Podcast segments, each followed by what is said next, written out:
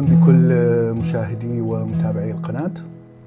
أتكلم اليوم عن آه، ما هي مساوئ ومحاسن الأديان آه، كنظرة حيادية آه، إلى إلى هذه الأنظمة الفكرية.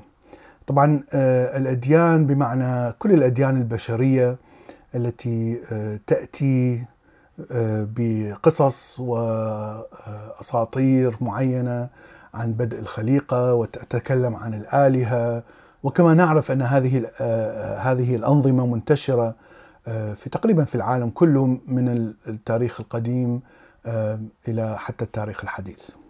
إذا نبدأ بالأشياء الإيجابية في في الأديان. النقطة الأولى هي هذه الأديان تعطي نظام روحاني يتيح للمؤمنين به أن آه، ينغمسوا في أفكار آه، روحانية آه، ليست فيزيائية ميتافيزيقية لكنها تعطيهم نشوة كبيرة.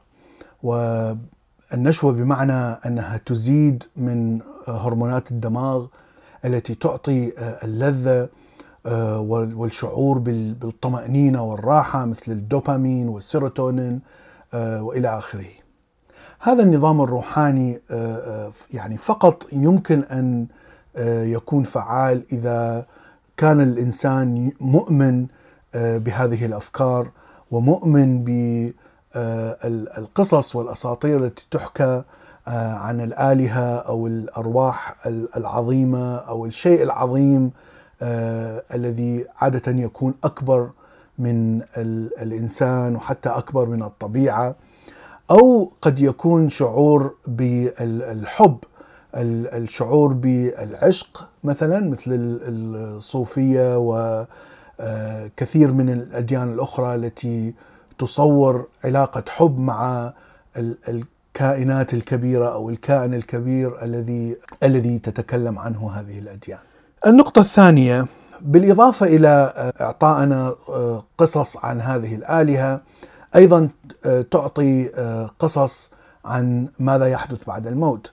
فهناك دائما مكان للأرواح الجيدة ومكان للأرواح الشريرة.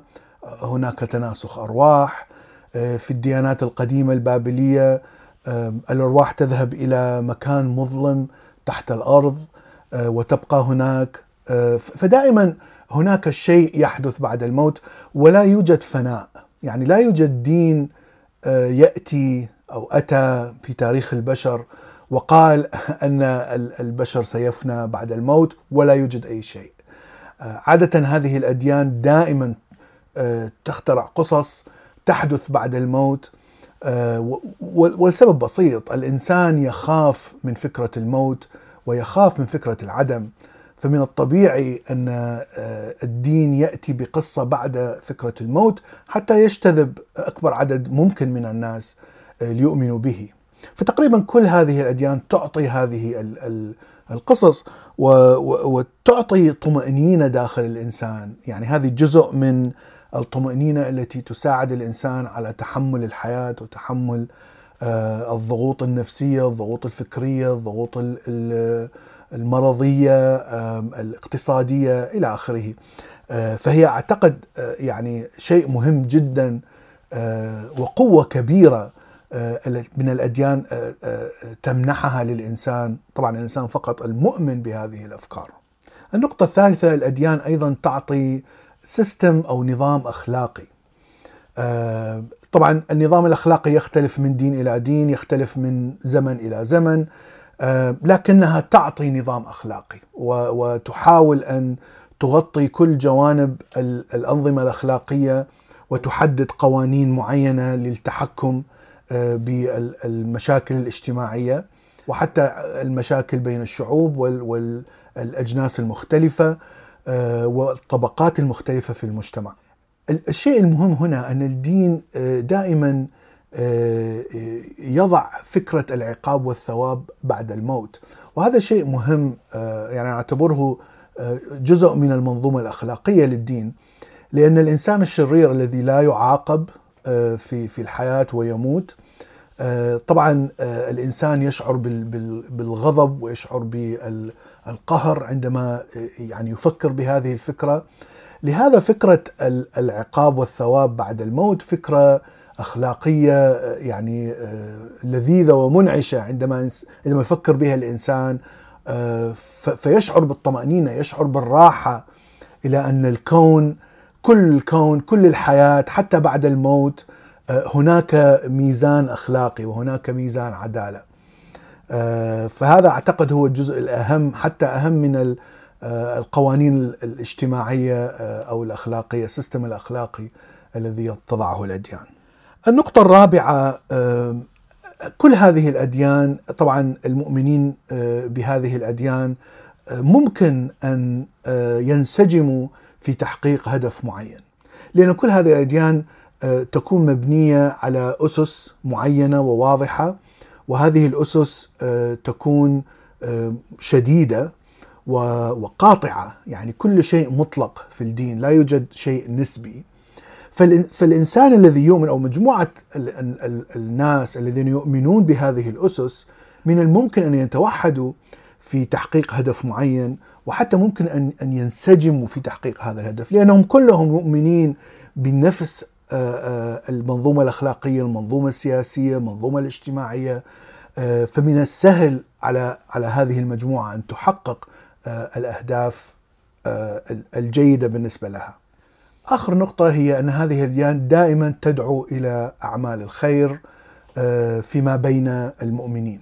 فدائما تحاول أن تعطي ثواب للخير وعقاب للشر فتدعو كل الناس المؤمنين بهذا بهذا الدين في المجتمع إلى التسامح إلى أفعال الخير إلى الانسجام وبذلك يكون المجتمع يعني هيلثي يكون مجتمع صحي جدا للعيش والإنسان يشعر بأمان بالعيش في مجتمع كهذا.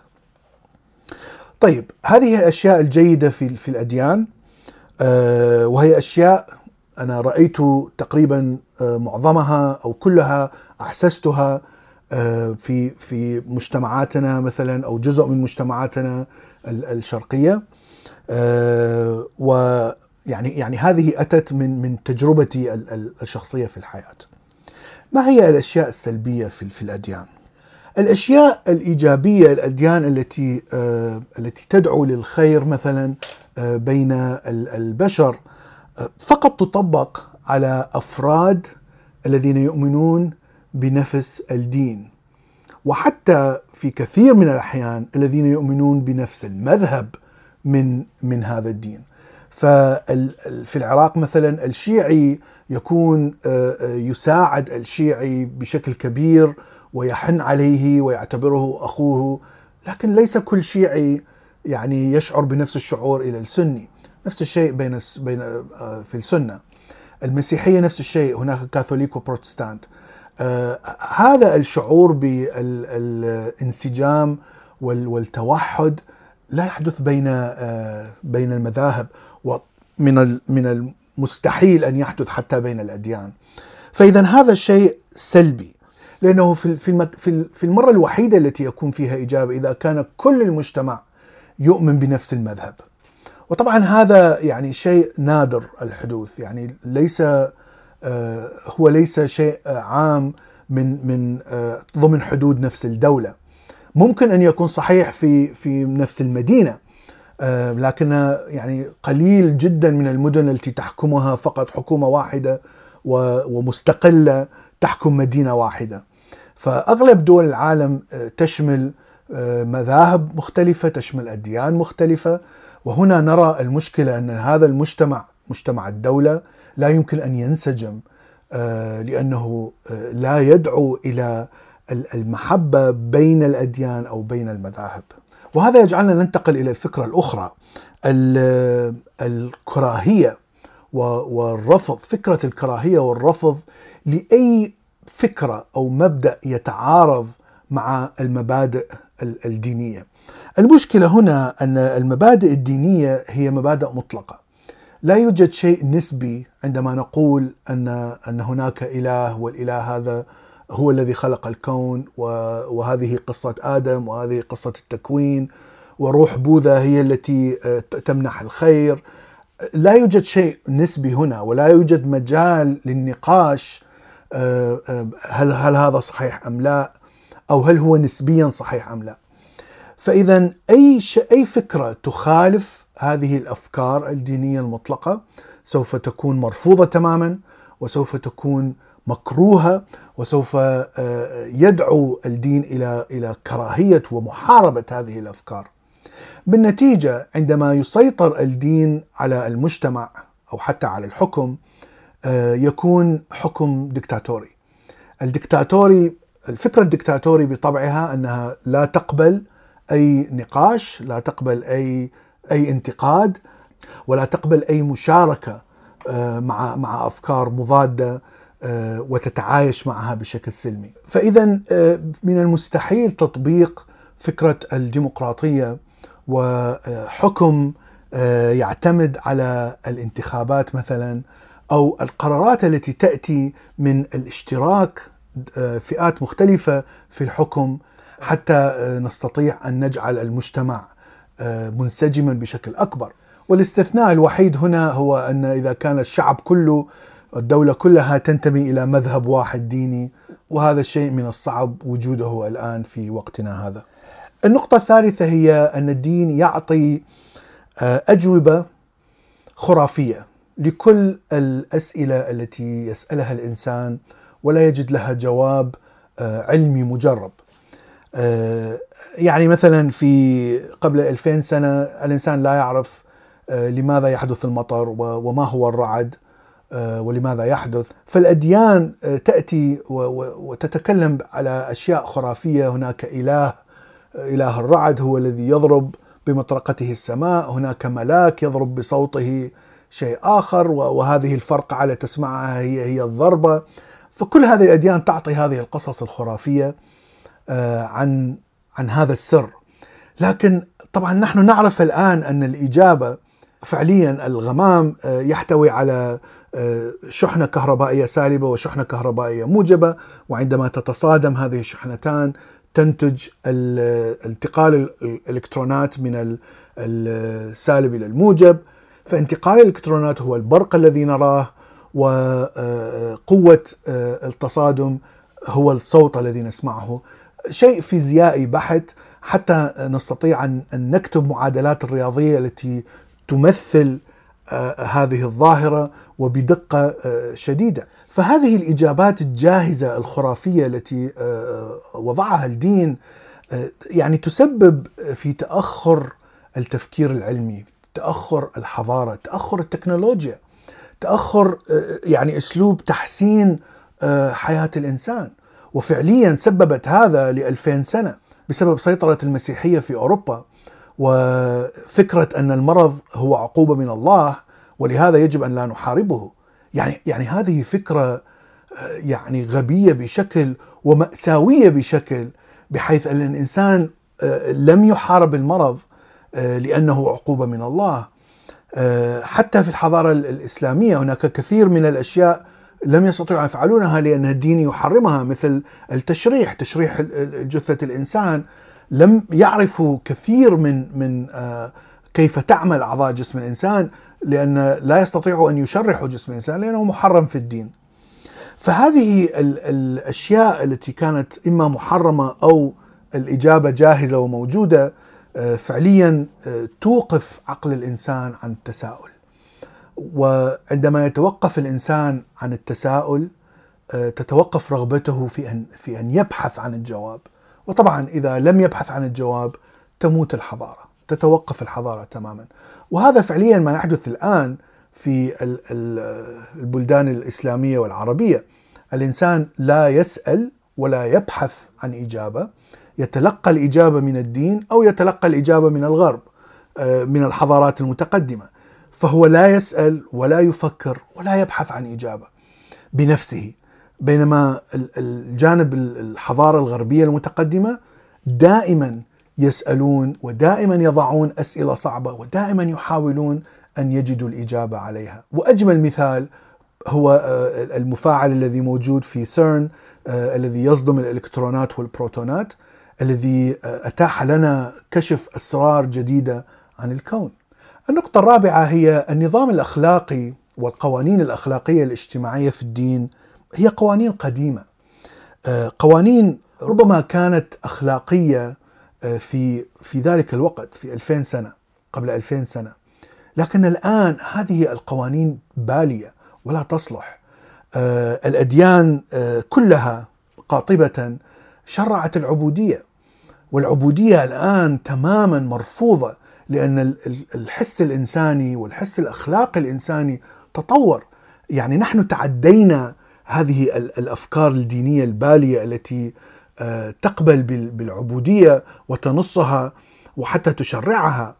أيضا مثلا نظام العقوبات في الأديان طبعا الأديان كلها ليس فقط في الإسلام حتى في المسيحية مع أن المسيح لم يتكلم عن عقوبات لكن الذين أتوا بعده وأسسوا الدين المسيحي تكلموا عن العقوبات ووضعوا عقوبات كثيرة مثل حرق الساحرات. فهذه العقوبات يعني عقوبات شديدة وغير إنسانية. آه، قطع اليدين قطع الرؤوس آه، حرق الناس آه، يعني أشياء بشعة بأفكارنا الآن. إذا إذا يعني قياسا بأفكارنا الآن وأخلاقنا الآن وحضارتنا الآن. فهذا ال system الأخلاقي النظام الأخلاقي الذي وضعته الأديان جزء منه يعني لا زال جيد لكن ليس كله. ولا يمكن أن نطبق هذا ال system الأخلاقي في وقتنا الآن آه، لأننا نرى إذا طبقناه سيكون شيء بشع ونشمئز ونتقزز منه كما تفعل السعودية الآن تطبق الشريعة الإسلامية وكما فعلت داعش طبقت الشريعة الإسلامية بحذافيرها وكل الناس بما فيهم المسلمين يشمئزون ويتقززون من هذه الأشياء مع أنهم مؤمنين بهذه الشريعة. النقطة السادسة هي الدين يكبت الغرائز الجنسية في المراهقين آه، وحتى البالغين. هذه مشكلة كبيرة وخاصة في الأديان الإبراهيمية. آه، لأن الأديان الإبراهيمية آه، تحدد عقوبة شديدة على من يرتكب الزنا أو يمارس الجنس بدون زواج. المشكلة هنا أنك ستنتج مجتمع مكبوت جنسيا.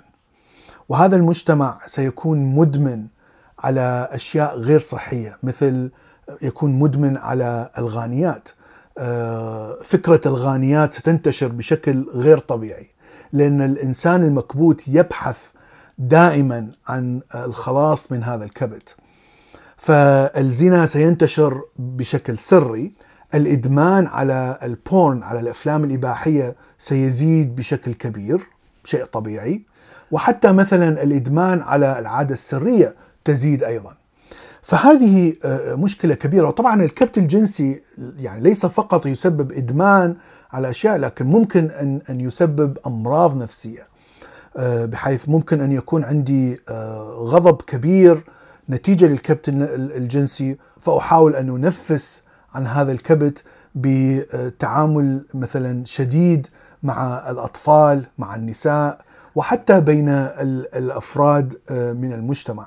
آه، فهذه فهذا شيء غير صحي وطبعا وهو يرتبط بالنقطة الثامنة وهو أن الأب أو الرجل آه، له سلطة فوقية مطلقة على النساء والأطفال في في المجتمعات الدينية. وهذا أيضا آه، موجود في المجتمعات الآسيوية.